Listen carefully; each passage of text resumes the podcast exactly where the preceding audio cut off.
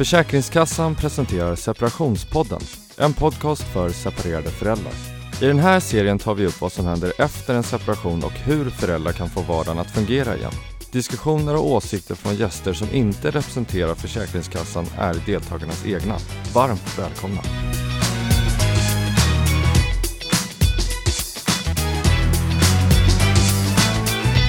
Mycket välkomna ska ni vara till det fjärde avsnittet av Separationspodden. En podd om den utmaningen som en separation och skilsmässa kan innebära. Trots att man kanske båda är överens om att man ska gå skilda vägar så stöter man ofta på ekonomiska, praktiska, emotionella problem vid olika tillfällen. Speciellt när barn är inblandade.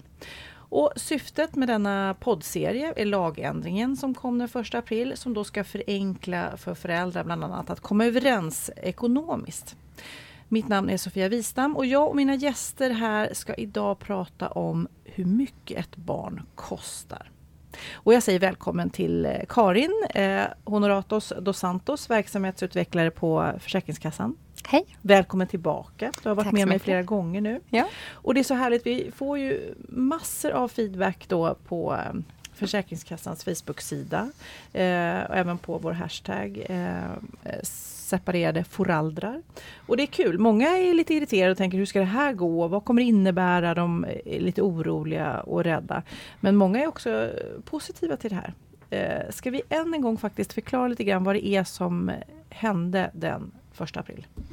Den 1 april så fick Försäkringskassan ett nytt uppdrag eh, som eh, syftar till att vi ska hjälpa föräldrar i underhållsbidragsfrågor. Vi ska kunna hjälpa dem att räkna ut ett underhållsbidrag. Vi ska kunna hjälpa dem att eh, eh, skriva ett avtal om de vill det och vad, ta fram vad är det som är viktigt i den här diskussionen. Vad är, det för, vad är det som är viktigt att tänka på när man räknar ut ett underhållsbidrag?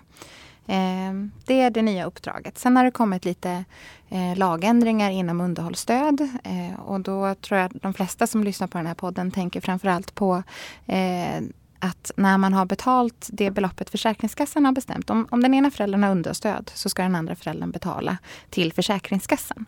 Eh, och har man då eh, betalt till Försäkringskassan i sex månader eh, så Eh, kommer vi att höra av oss och säga att det verkar som att ni kan sköta det här ganska bra. Betalningarna kommer in prickfritt varje månad. Eh, och det är bättre om ni kan eh, lösa underhållsbidraget själva. Och eh, har man då inga särskilda skäl till varför underhållsstödet ska fortsätta eh, betalas ut från Försäkringskassan så kommer vi att sluta betala ut underhållsstödet. Ni ska sluta agera bank då? Som Ja men precis. lite. Ja, vi eh, har ju en hel del föräldrar som eh, ansöker om understöd för att de tror att det är det man ska göra när man har separerat. Men i själva verket så är det faktiskt så att man ska försöka komma överens själva eh, om ett belopp som eh, man ska betala för sitt barn. Eh, och alla barn är olika och har olika behov och alla föräldrar har olika möjligheter att betala för sitt barn. Mm. Och har man möjligheter att betala för sitt barn, då ska man ju självklart försöka göra det. Så att det är föräldrarna som är primärt eh, ansvariga för att betala. För mer än en gång så har man ju hört att den här eh, omtalade siffran 1573 kronor att, eh, att det är det som uppfattas som den eh, summa man ska betala och då, då är det klart sen. Då, då har barnet allt det behöver. Men om man tänker efter bara en sekund så förstår man att det där är en alldeles för låg summa även om man då dubblerar den om det är två föräldrar. Ja, det beror ju lite på hur gammalt barnet är och vad barnet har för behov så att säga. Men 1573 kronor det är det som Försäkringskassan betalar ut i underhållsstöd varje månad om man får maxbeloppet. Eh, och Eh, det är uppbyggt så att eh, eh Försäkringskassan kan betala ut 1573, 1573 kronor i eh, underhållsstöd och den, den förälder som barnet bor med ska också kunna stå för samma summa plus barnbidraget. Då. Och då ska barnet ha de pengarna det behöver för, sitt, eh, för sin försörjning. Eh, Men är det då så att den som den förälder som barnet bor med inte kan eh, stå upp med de här pengarna så, så kommer ju barnet att bli underkompenserat. Eh, och det har visat sig i undersökningar att eh, eh, när föräldrar kan komma överens om ett underhållsbidrag så får fler barn mer i underhållsbidrag än vad de skulle få i underhållsstöd. Eh, och som jag sa förut, alla barn är, är olika och alla barn har olika behov. Men underhållsstödsbeloppet är ju inte anpassat till olika barns behov utan det är ju en schablonsumma kan man nästan säga. Och det är någonting vi ska prata om mer idag, just det här med eh, olika barns behov och eh, det stora behovet av också att föräldrarna faktiskt resonerar fram vad det är som behövs för att det här barnet ska få det det behöver Precis. under hela sin uppväxt. Sådär. Ja. Men eh, vi är jätteglada om ni fortsätter att kommentera och tycker till om det vi säger här i vår podd. Separationspodden eh, at forsakringskassan.se eller Facebook-sidan eller hashtaggen kan man tycka till om allt möjligt.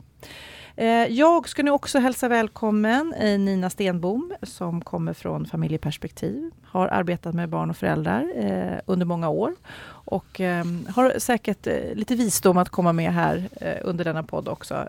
För du har samlat på dig massa erfarenhet när det gäller hur barn tar sig igenom en separation och såklart även föräldrar. Hur, hur ofta skulle du säga, eh, Nina, är det just pengar som är det som ställer till det? jag skulle vilja säga kanske så här att man kan säga det är en viktig fråga. Om det ställer till det eller inte, det, det kan ju se olika ut. Men jag tycker att det är absolut en sak som alla föräldrar som går skilda vägar behöver prata igenom. Det är stora pengar, det är långt ansvar, det är ett viktigt ansvar. Att försörja sina barn gör man när man lever tillsammans och det ska man fortsätta med när man separerar. Så att hitta former för det hur ska vi göra det? På vilken nivå ska det ligga? Hur ska det gå till rent praktiskt? Allt det där behöver man ha en plan för. Mm. Ofta och, har man kanske inte heller helt samma syn på vad nej. barnet har för behov. Och det är ju när man går igenom det här, när man ska sätta sig ner och fundera på mina pengar och dina pengar och våra gemensamma ansvar för våra barn. Där kan det ju finnas en och annan het potatis. Mm. Ja, jag upplever i alla fall så när jag tänker på mina kompisar i närheten som har separerat att eh, ju mindre pengar ju mer bråk. För då bråkar man verkligen om både soffan och, och köksbordet. Ja, det är livets realiteter. Mm. Har man mycket kan man vara generös men eh, även om det finns mycket så vill man ju att det ska bli en bra balans. Var en, jag tror de flesta föräldrar vill känna att de bidrar på ett schysst sätt i sina barns liv. Mm. Men att hitta rätt nivå och hur vi gör det rent praktiskt, det behöver man ju prata om. Men Karin, är det så att ni också får samtal där föräldrar liksom tror bara att ja, nu skiljer jag mig, nu får ni lösa det där. Att det tas för givet att det, det är ni som tar hand om det här? Ja, jo, så är det. Eh, många tror ju att man, man, när man har separerat så ska man få ett stöd från Försäkringskassan. Att nu har vi skilt oss, nu får jag pengar från Försäkringskassan. Eh, kanske inte ska säga många, det finns en del mm, som, mm, mm. Eh, som tror det. Och så är det inte. Utan föräldrarna ska ju framförallt försöka komma överens om ett underhållsbidrag eh, om, för, till sitt barn först själva. Eh, och kan man inte det, är det så att den ena föräldern inte har någon betalningsförmåga eller är det så att man absolut inte kan komma överens om någonting, att man eh, är väldigt osams, ja då finns ju underhållsstödet där som man kan söka. Eh, och då eh, hjälper vi till är det så att den bidragsskyldige betalar i rätt tid, i sex månader, ja då eh, kommer vi att säga att nu har ni fått sex månader på er och, och kanske prata lite grann och, och ha, liksom, få den här konflikten att avta lite grann. Nu kanske det finns möjlighet för er att diskutera det här igen. Eh, så det bästa för barnet är ju om man kommer överens om ett underhållsbidrag. Och vi upprepar oss lite här varje podd, men det är mm. viktigt att förstå underhållsbidrag och underhållsstöd, skillnaden. Du får dra den igen. Vi gör det varje avsnitt. Snart kan man ju kunna säga med mig här när jag säger. Men underhållsstöd, det är en förmån som Försäkringskassan betalar ut. Det är alltså när eh, den ena föräldern som inte bor med barnet inte betalar någonting, eh, så kan man ansöka om underhållsstöd från Försäkringskassan och det beloppet är max 1573 kronor. Eh, och sen betalar då den bidragsskyldige tillbaka efter sin förmåga till Försäkringskassan. Så vi betalar ut ett belopp och vi kräver också den bidragsskyldige på en viss summa. Beroende på dens ekonomiska förutsättningar. Och den summan som den bidragsskyldige betalar, det är eh, eh enligt taxerad inkomst. När vi pratar om underhållsbidrag, då är det det beloppet som föräldrarna kan komma överens om. Eller så kan man få det fastställt i domstol. Så vad barnet har för behov, vad föräldrarna har för eh, ekonomiska möjligheter. Eh, och så räknar man då utifrån det ut vad, barnet ska få i underhållsbidrag. Är ni inblandade i även underhållsbidraget? Vi fastställer inga underhållsbidrag, alltså vi beslutar inte om något belopp i underhållsbidraget utan vi kan hjälpa föräldrarna med beräkningen och tala om att det här är viktigt att tänka på när ni gör det här. Men det är inte vi som bestämmer att det ska vara ett visst belopp utan det är föräldrarna själva som bestämmer vilket belopp de tycker är rimligt och skäligt för sitt barn. Och kan man inte bestämma, nej, då får man gå till domstol om det. Mm. Eh, vi har som sagt eh, fått in lite respons och lite frågor. Jag tänkte bolla ett eh, mejl här med er båda. Det är en Patrik som separerade för eh, ungefär sex månader sedan och han har en fyraårig son och han oroar sig lite. Han skriver så här. Sonen har börjat fråga väldigt mycket varför vi har skilt oss och varför vi inte kan bli sams och kära igen och han märker att sonen funderar mycket då på deras separation och funderar över om han eventuellt behöver prata med någon professionell och frågan är egentligen vilken hjälp finns att få Eh, kan man få hjälp med att bekosta den då eventuella psykologen eller terapeuten? Eh, när jag hör den här frågan så tänker jag två saker. Det ena är så väldigt vanligt tema. Väldigt många barn går med den här tanken. Kommer det här gå över? Kan de inte bli kära igen? Kan jag göra något för att de ska bli kära igen? Och, och jobbar hårt, en del barn, på att få ihop mamma och pappa. Så temat är vanligt. Reaktionen är också vanlig. Han är ledsen, familjen ser inte ut som han är van och han är fundersam över vad som har hänt. Men det är ju ingenting som är tokigt eller sjukt eller konstigt. Det är en del av livet. Och det den här lilla killen behöver är förmodligen först och främst en mamma och pappa som har tid och uppmärksamhet på hur han mår. Det, det är det allra viktigaste tycker jag. Att mamma och pappa inte drabbas av panik och tänker att stackars son, han behöver professionell vård. Han behöver tid och, och omsorg av sina föräldrar. Man behöver kunna säga att jag hör dina tankar, vi kan fundera över det här, jag har också funderingar. Men man kan inte ge dem falska förhoppningar. Men hur pass ärlig kan man vara till en fyraåring till exempel? Man ska alltid möta ett barn på där de befinner sig utvecklingsmässigt. Och en fyraåring har ju naturligtvis svårt att förstå vad vuxen kärlek betyder. Vad en vuxen människa förväntar sig av en god kärleksrelation. Det är inte heller hans ansvar att, att, att förstå allt det. Men man kan förklara att vi kan vara kompisar, men vi är inte kära längre. Vi kommer inte att leva tillsammans, men vi ska vara föräldrar tillsammans. För vi älskar dig och du är det viktigaste vi har. Och vi vill göra allt för att vi ska kunna vara tillsammans som din mamma och pappa. Men vi ska inte bo tillsammans. Det har vi bestämt. Finns det någon hjälp att få som förälder från Försäkringskassan just när det gäller att prata och ha en dialog?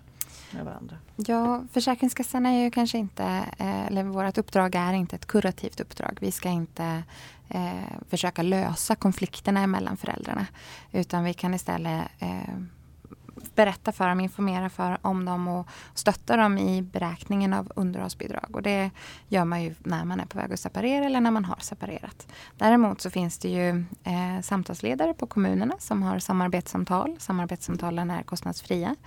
Eh, så man kan vända sig till sin kommun eh, och, eh, till deras växeltelefon och, och, fråga om det här att jag skulle vilja ha ett samarbetssamtal. Och I samarbetssamtalet så kan man då prata om sätt att kommunicera kring barnet. Man kan prata om vårdnad, umgänge, boende om barnet och även viss del barnets försörjning.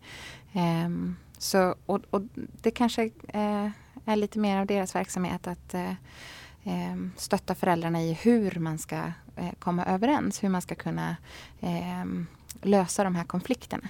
Mm. Sen finns det ju andra aktörer också som kan hjälpa eh, för barnet. Jag tänker främst på BRIS som skulle kunna hjälpa till om barnet behöver stöttning i, i vissa frågor. Eh, och där tänker jag att där har ju Nina eh, bra koll på hur mm. den verksamheten fungerar. Pappa Patrik frågar ju om psykolog. Och ja, första rådet är som sagt var att de flesta barn mår, mår bra och det räcker fint att ha kloka, nära relationer att prata med. Det kan vara mamma och pappa, det kan vara en mormor eller en farmor eller en granne som man gillar eller vem det nu är. Men behöver man professionell hjälp? Och det är klart att, att det finns det. Det finns en, en knippa olika saker dit man kan vända sig. BUP finns men har eh, ett, ett eh, lite tajtare psykiatriskt uppdrag numera. BRIS har eh, startat och det bedrivs mycket ute i kommunerna idag. Skilda världar, barngrupper för barn till separerade föräldrar. Det finns privata barnpsykologer och det finns också privata aktörer som, som stöttar och hjälper föräldrar i, i att hitta rätt i den här terrängen. Dagens eh, avsnitt har ju lite som tema hur mycket ett barn kostar och hur man faktiskt kommer fram till hur mycket man ska eh, ge till den man har separerat ifrån för att barnet ska eh, få det det behöver. Eh, hur säger ni på Försäkringskassan, eh, tar man reda på den summan på bästa sätt? Mm. Det finns tre olika sätt man skulle kunna göra det här på. Det är såklart att det finns massa andra men vi ser framförallt tre olika sätt. Och det första sättet som inte är så detaljerad det är att man tittar på en schablonsumma beroende på vad barnet kostar. Alltså är barnet mellan 1 och 6 år då kan man ta 65% av prisbasbeloppet och eh, eh, då får man fram en summa på vad barnet kostar på ett år.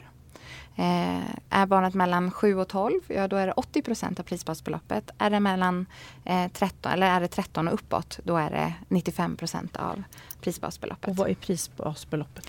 Prisbasbeloppet ligger på, i år på 44 300 kronor. Så att, eh, ja, nu har jag inte räknat på det såklart, men eh, eh, det är de här tre mm. Eh, mm. kategorierna. Eller så kan man använda sig av eh, eh, Konsumentverkets beräkningar och de är lite mer detaljerade än schablonerna. De eh, är specificerade på vad barnet kostar i mat, vad barnet kostar i, i, i hygien, i fritidskostnader och så vidare.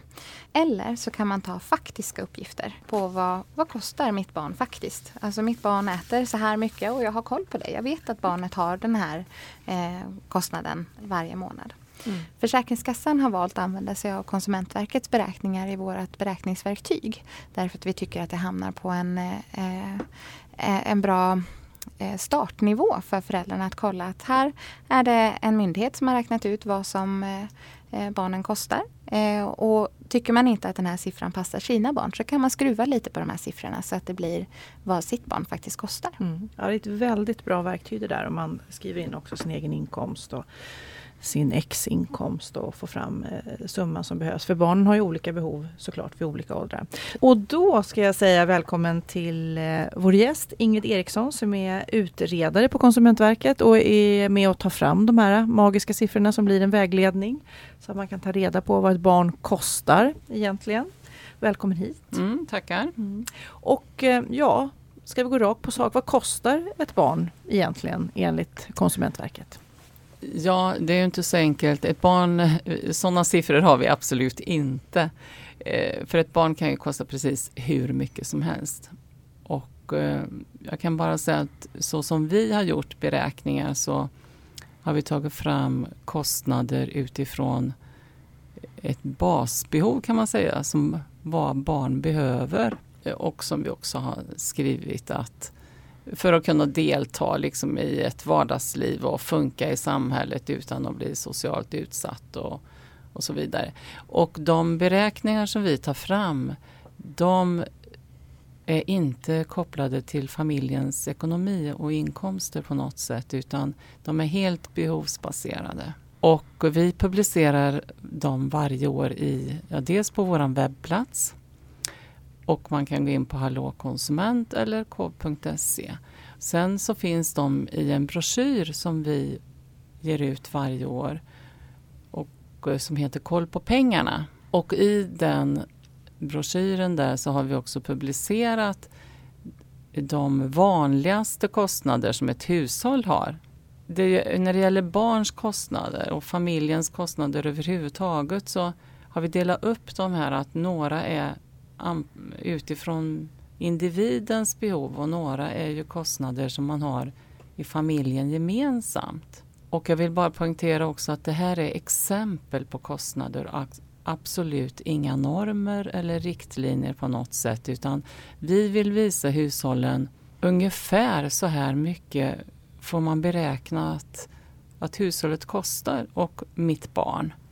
Och när det gäller barnen då så har vi uppdelat i ålderskategorier upp till eh, 17 år, ifrån barn från 0 till 17 år. Och då har vi tittat på vad kostar de i mat och eh, i hygienartiklar och i hur mycket kläder och skor behöver man.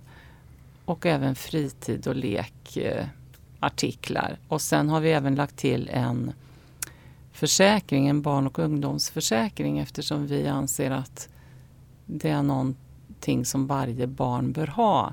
Även om nu ditt barn är försäkrat när du har det på förskolan och skolan. Någonstans läste jag om att runt 1,4 miljoner kostar ett barn. Det stämmer. Det var ju Swedbank som tog fram den siffran för några år sedan. Och då beräknade de en kostnad ifrån det att du får barn upp till barnet blir 18 år. Men i den pengen så ingår ju alltså inkomstbortfall när du är föräldraledig och, och många andra saker. Men visst, det, visst kostar det att ha barn, absolut. Mm.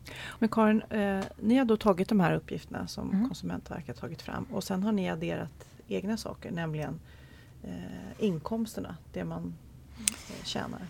Ja, eh, i vårt beräkningsverktyg så eh, ska man ju då lägga in eh, för att få fram vad barnet har för behov. Och där är just kon Konsumentverkets beräkningar som är inlagda som förinlagda summor kan man säga. Eh, och föräldrarna kan ju då styra över vad har barnet för eh, faktiska behov.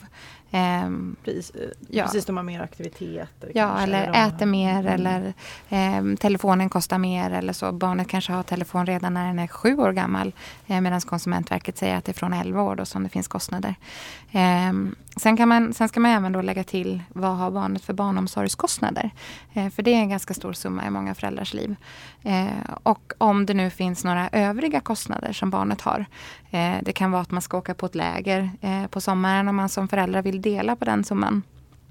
Eh, och när, när, man har räknat fram allt det här, eh, man har tagit eh, alla kostnaderna ihop och sen minus barnets inkomster, vilket eh, de flesta barn har ju, eller alla barn har ju barnbidrag. Eh, hela barnbidraget ska räknas av, för det är en inkomst som barnet har. Eh, och även om barnet då har, om man som förälder vill eh, dra av dem. Att barnet själv eh, kanske helgjobbar varje helg eller eh, varannan helg och man tycker att barnet ska få bidra till sin försörjning med de här pengarna. Om man som förälder tycker att det är rimligt så lägger man till dem på eh, barnets inkomster. Sen tar man kostnaderna minus inkomsterna och så får du fram, fram barnets behov. Sen för att räkna ut ett underhållsbidrag, då behöver du ha föräldrarnas inkomster och utgifter också. Mm. Eh, både eh, den förälder som barnet bor med och den förälder som barnet inte bor med. Och finns det andra barn eh, som bor hos den förälder som barnet inte bor med så måste man eh, fortsätta beräkningen där. Det blir lite mer komplicerat då. För jag tänker ju eh, osökt på när det blir eh, olika skillnader när en kanske har mycket mer gott om pengar av föräldrarna och en mindre mm. och barnen, barnet ska förhålla sig till det här. Vad säger du Nina, är, är det ofta ett problem att man har inte samma tv-spel eller samma cykel på, eh, i den ena, hos den ena föräldern? Så kan det absolut se ut. Eh, jag tänker att det vi talar om här är ju mycket utifrån underhållsbidrag men vi har också barn som bor varannan vecka. Det är ungefär var tredje barn som har separerade föräldrar bor på det sättet. Och den gruppen ser vi också är den som ökar mest. Och då, då är det ju oftast inte några underhållsbidrag som, som går mellan föräldrarna. Man behöver ändå göra upp om en del grejer för det är klart att basen är då att du betalar för de kostnader som är när du har barnet hos dig. Mat och husrum och kläder och så där brukar ju barnen ofta ha ett, ett, en uppsättning med hos mamma och en hos pappa. Och så är det vissa saker som du måste gå ihop med. Bor du nära kanske du delar köpa cykel. Bor du långt ifrån kanske inte det är möjligt. Du kanske behöver dela på fotbollskostnaden för det är fotboll både udda och jämn vecka. Du behöver prata igenom, du behöver göra en plan. Och det kan ju också beröra sånt som att vi har så hemskt olika ekonomi. Och då kan man ju också styra om, man, om det är uppenbart att vi har väldigt olika ekonomi och vi är hyggligt sams och vi vill att barnen ska ha det så bra som möjligt. Så kanske jag säger att men du, jag tjänar bättre. Vi ser till så fotbollsräkningen kommer till mig. Det kan ju också vara ett sätt att, att handskas med att vi har olika mycket pengar. Mm. Och hur mycket påverkar ekonomin ett barns liv då, skulle du säga? Alltså pengar, pengar betyder mycket både i barns och vuxnas liv för hur vi kan forma våra liv. Det finns begränsningar och det finns möjligheter som är kopplade till pengar. Och det kommer att se olika ut om mamma och pappa formar sina liv olika och har olika möjligheter. Vissa bassaker behöver man prata ihop sig om. Men sen kommer det att se olika ut. Kanske pappa åker till Säffle och mamma till Maldiverna. Det är ingenting som lagen säger att man ska samfinansiera. Det kommer att bli olika. Och så ser livet ut. Men det kan finnas någonting gott både i Säffle och i Maldiverna. Det jag tror att vi får lära oss att landa i det som vi, som vi erbjuder våra barn och inte hamna i en kapplöpning. Mm, jag kan tänka mig att man som då eh, Säffle-förälder känner sig lite otillräcklig. Kanske och, någon som och... kommer från Säffle som blir ledsen nu. Ja, nej men att man eh, känner sig otillräcklig och nej, när barnet är hos pappa då får du åka till Maldiven och vi åker bara dit. Liksom. Så att, men, men eh, vilket upplägg då är bäst för barnen om föräldrarna har olika ekonomiska förutsättningar skulle ni säga?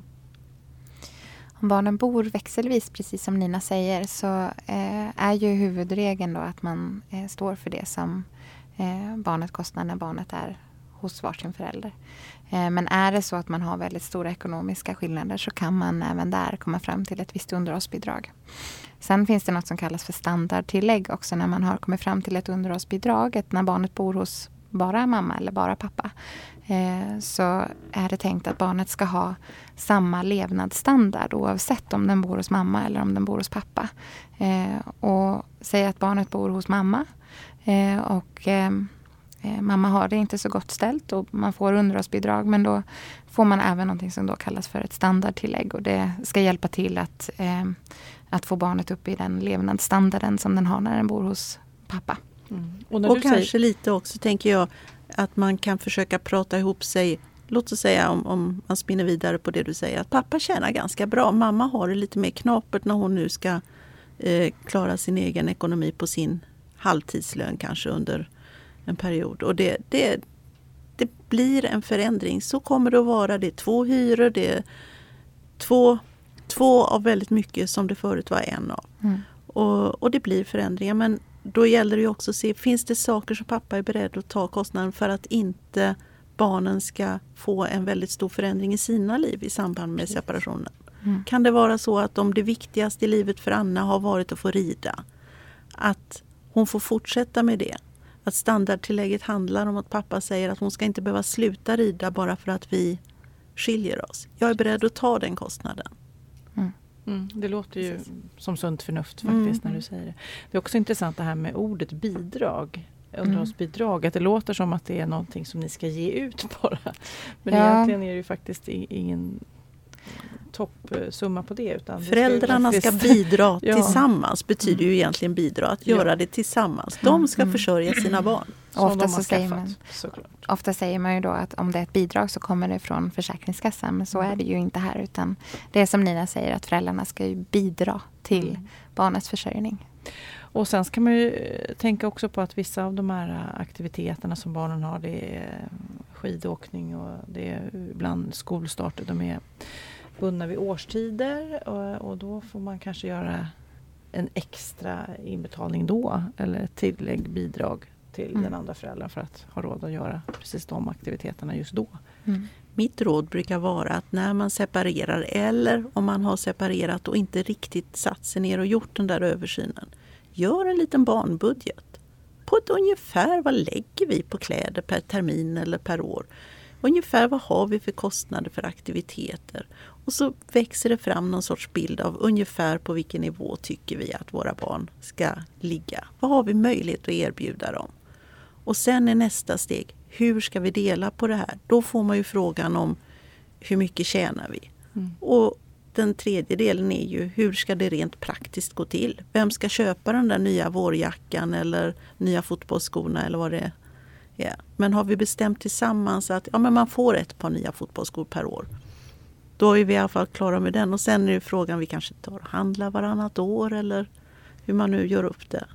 Mm. Det är jättebra praktiska tips, verkligen. Mm. Jag tänker för, för att hitta vad, barnet, eh, vad barnen har för kostnader. Man kanske inte har en aning när man sätter sig ner. Då finns ju Konsumentverkets eh, broschyr till hjälp för det. Att man kan eh, titta på ett ungefär. Det här, är, det här är vad de har räknat ut att barn kanske kostar i den här åldern. och utgå ifrån dem och sen Eventuellt plussa på eller dra Och jobba sig vidare efter ja. sitt mm, personliga barn. Ja, ja. Precis. Och det är precis det du säger, det här med barnbudget. Det, det tar vi också upp i eh, den här um, på Hallå konsument under livssituationer och att separera. Och att man då har, gör upp en budget och delar upp och kanske till och med har ett eget konto för just barnen. Sen vill jag bara säga att när man tittar på just våra de här beräkningarna att man är medveten om, eh, tanken med dem är ju alltid att det här ska vara ett referensvärt. Det här är kostnader som du kan referera till. Liksom att inom det här spannet ungefär och att det ska funka som ett diskussionsunderlag. För man kan ju säga att, ja men herregud, vad tror du liksom 400 spänn för kläder i månaden? Aldrig. Men att det då funkar som att ja men det här är, ut, det är ju en uträkning kanske på ett år eller på ett par år i och med att man köper dyrare grejer ett år som du kanske mm. använder mm. i två år. Mm. Men att man ändå mellan tummen och pekfingret liksom kan ha en aning om för att så länge du om du inte, om du lever i en parrelation och har en bra ekonomi då tänker man inte efter. Alltså så länge du har pengar då betalar man. Och sen när man kommer i en situation där det verkligen är kniven på strupen då, då blir man liksom att då får man upp bilden på att ja, men, så här mycket behöver jag avsätta i månaden för att fixa det här äh, vardagliga. Och så, så är våra beräkningar tänkta att användas. Och eh, jag tror att många gör det också och jag hoppas att fler kikar på dem. Får ni mycket reaktioner från eh, föräldrar som har tittat på de här siffrorna och tycker till? Som Absolut. tycker de är för låga eller eh, tycker de inte stämmer? Alltså det, det, vi får ju mycket reaktioner på dem och jag kan också säga att vi har ju ett, ett eh, en budget som heter, ett beräkningsverktyg som heter budgetkalkylen. Där kan man också gå in och lägga in eh, sina barns kostnader i olika åldrar och, och så vidare. Eh, så det, det kan också vara ett bra sätt att använda dem på. Eh, vi får mycket reaktioner och de varierar naturligtvis och det, det är väl så att de som står i en vårdnadstvist och där, där det är väldigt laddat och det, det gäller inte bara de som vi har tagit upp om här tidigare att det är personer som har dålig ekonomi utan det kan även vara i, i situationer där man är, har en väldigt hög inkomst. Att eh, får till och med samtal att ja men eh, och då också framförallt det här att det är mina barn och dina barn. Det är också en, en, en, situation som är väldigt vanlig idag. Att man, man har inte bara sina egna utan man har sin partners barn. Och då kan det bli ännu mer komplikationer och man tycker att varför ska jag vara med och betala att hennes tonårsdotter står i duschen i två timmar? och det går åt mycket vatten eller de äter för mycket. Eller... Mm. Så ähm, alltså det... Nej, för det, det, är ju lätt att liksom prata om, ja kom överens om en summa bara. Ni älskar era barn, de eh, ska ha allt de behöver. Och sen så, så när man då inte har samma värderingar och tjafsar om allt, allt, allt. Mm. Det är mm. då det blir den stora utmaningen. Hur sjutton ska man komma överens? Ja, och barn drabbas när föräldrar inte kommer överens. Och det tycker jag är viktigt att vi att vi inte, vi får inte göra något rosenrött skimmer Nej. om att, att det alltid funkar bra. För det här är ganska knepigt. Mm. Och, och jag träffar ofta barn som hamnar i det där att föräldrar går vilse och där det till slut nästan blir som att det är mammas och pappas kläder och inte barnens kläder. Jag har haft barn som har stått i farstun på växlingsdagar och fått ta av sig ända in till underkläderna för att nu är det pappas vecka och nu får du ta av dig alla mammas kläder för de ska stanna här och nu får du ta på dig de här kläderna för nu börjar pappas vecka. Och det kan man ju bara tänka själv hur det skulle vara om man hade blå jacka på udda veckor och rosa jacka på jämna veckor. Det, alltså så, barnet måste få bli en person. Vi måste hjälpa våra barn att vara integrerade, känna sig bekräftade, känna sig som hela människor oberoende vilken vecka det är och vem som har betalt för sakerna. Mm. Det är så många barn som ja. berättar om att jag fick en sån himla fin tröja när jag var hos pappa förra gången men jag fick inte ta med den till mamma sen. Det sa han att den får ligga här och vänta på dig. Och då är ju frågan, är det pappas tröja eller är det Annas tröja? Mm. Ja, men jag tycker det är så ofta också man hör om separationer och skilsmässor. Eh, när, när de vuxna tänker på sig själva eh, först känns det som. Och inte tänker på barnets bästa. När det gäller semestrar eller när det gäller att byta på veckor eller vara flexibla med. Men kan jag ha barnet den veckan? Nej då, det var din vecka då. Alltså, det, mm. det, ofta som, som vuxna blir egoistiska. Och eh, det är ju anledningen till faktiskt den här podden, eh, om man ska dra det hårt, det är att barnet måste vara i centrum och vi mm. måste som föräldrar se till att barnet har det så bra som möjligt. Men nu tänkte jag också bara eh, avsluta lite grann med att komma tillbaks till hur man gör de här uträkningarna. hur underlättar man för föräldrarna med den här räknesnurran, Karin? Ja, vi har ju ett beräkningsverktyg som vi kallar för räknesnurran som eh, man kan räkna fram vad barnet har för behov. Eh, och då får man fram en summa för vad, vad barnet eh, kostar. Eh, och sen ska båda föräldrarna dela på den här. Så då lägger man in föräldrarnas inkomster och utgifter och så får man fram vad föräldrarna har för överskott. Och metoden man använder när man räknar ut ett underhållsbidrag det är barnets behov gånger bidragsskyldigs överskott delat på föräldrarnas eh, båda överskott.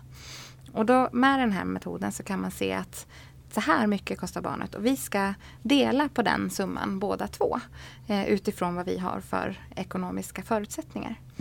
Eh, så det är så den fungerar. Eh, och man kan ju välja att eh, snurra lite på Konsumentverkets siffror om man tycker att de är för låga eller för höga. Eh, så att man får fram vad det här barnet faktiskt kostar. Sen handlar det om att föräldrarna måste komma överens. Tycker man att den här summan är skälig för sitt barn? Är det här rimligt att vi eh, att vi kommer överens om. Och när man väl har kommit överens, då förespråkar vi att man ska skriva ner det här som man har kommit överens om. Så att båda två har ett varsitt avtal. Eh, utifall att man skulle glömma bort eller om det är någon som missar att betala eller eh, så. Så att man vet att men vi kommer överens om det här. Mm. Och det här så. avtalet är faktiskt även giltigt rent lagligt om man skriver på så. Använder man de mallarna som mm. vi har i eh, beräkningsverktyget så, eh, så är det ett, ett giltigt avtal som går att använda i domstol eller hos Kronofogden ifall det är någon som verkligen struntar i att betala. Eh, då kan man använda, sig, använda det i det syftet. Men framförallt så vill vi att, eh, att föräldrar ska skriva under så att man liksom har en, en, en skriftlig överenskommelse. För det är så lätt att glömma bort vad man har kommit överens om. Eh, jag tror att det är väldigt viktigt att man eh, eh, har det där pappret och en trygghet för båda föräldrarna. Sen när det, när det händer någonting i familjen, när någon kanske får ett nytt barn eller när någon förlorar jobbet eller någon blir sjuk, ja då måste man ju se över den här summan igen. Eftersom att den är ju utifrån det här barnet, barnet växer och kostar olika. Eh, utifrån vad föräldrarna har för inkomster och vad det är för situation man lever i. Eh, för eh, precis som du sa så ställer man ju in åldern också på barnet och de olika behoven som kommer med kanske att, ett barn blir äldre. Hur ofta ska man göra eh, en ny uträkning? Tycker du? Så fort någonting händer i den här familjen som gör ekonomin eh, annorlunda så behöver man se över det här avtalet. Och, och barnen växer och kostar mer eh, ju äldre de blir. En ettåring kostar ju absolut inte lika mycket som en sjuåring eller en sjuåring kostar inte lika mycket som en nioåring. Eh, så att det kan vara bra att göra korta avtal, korta överenskommelser för att man eh, ska kunna täcka upp att eh, barnen får det de behöver. Eh, sen som sagt om, om man har separerat, ja då kanske chansen är stor att man träffar en ny person och att man får ytterligare barn. Eh, och när man då får ytterligare barn, ja då påverkas ju det. Eh, det påverkar ens ekonomi, ens möjlighet att betala. Eh, så att man behöver se över avtalet eh, ganska ofta, skulle mm. jag säga. Vill ni tillägga något, eh, Ingrid, Nina? Prata med varandra om pengar. Ja. Nej, för det var också lite det jag tänkte jag ta med mig från det här. Det är ju att kommunicera och verkligen sätta ner eh, om det så bara en timme och prata igenom vad verkligen era barn behöver eh, och vad era barn kostar för att komma fram till den reella summan. Ja, och kanske framförallt att man gör det innan, ja, men, innan du separerar, när man är, eh, lever tillsammans. Det är lika viktigt då. Mm. Och ta hjälp om det känns tufft att göra det på tu man hand. Ja, precis. Ja. Men tack snälla ni för att ni kom. Eh, det vi har lärt oss är att det viktigaste är att kommunicera och ta reda på vad era barn verkligen behöver eh, och sätta er ner kanske och tillsammans räkna ut det. Ja. Eh, detta avsnitt är nu slut. Eh, vill ni höra tidigare avsnitt så kan ni gå in på eh, separeradeforaldrar.se och lyssna på både det här och de tidigare avsnitten. Och diskutera och dela med er under hashtaggen separationspodden. I nästa avsnitt ska vi prata om lite vad som händer efter separationen. Och mejla gärna in till oss om ni vill på separationspodden att eh, forsakringskassan.se. Tack eh, och vi hörs snart igen. Hej då. Tackar. Hej.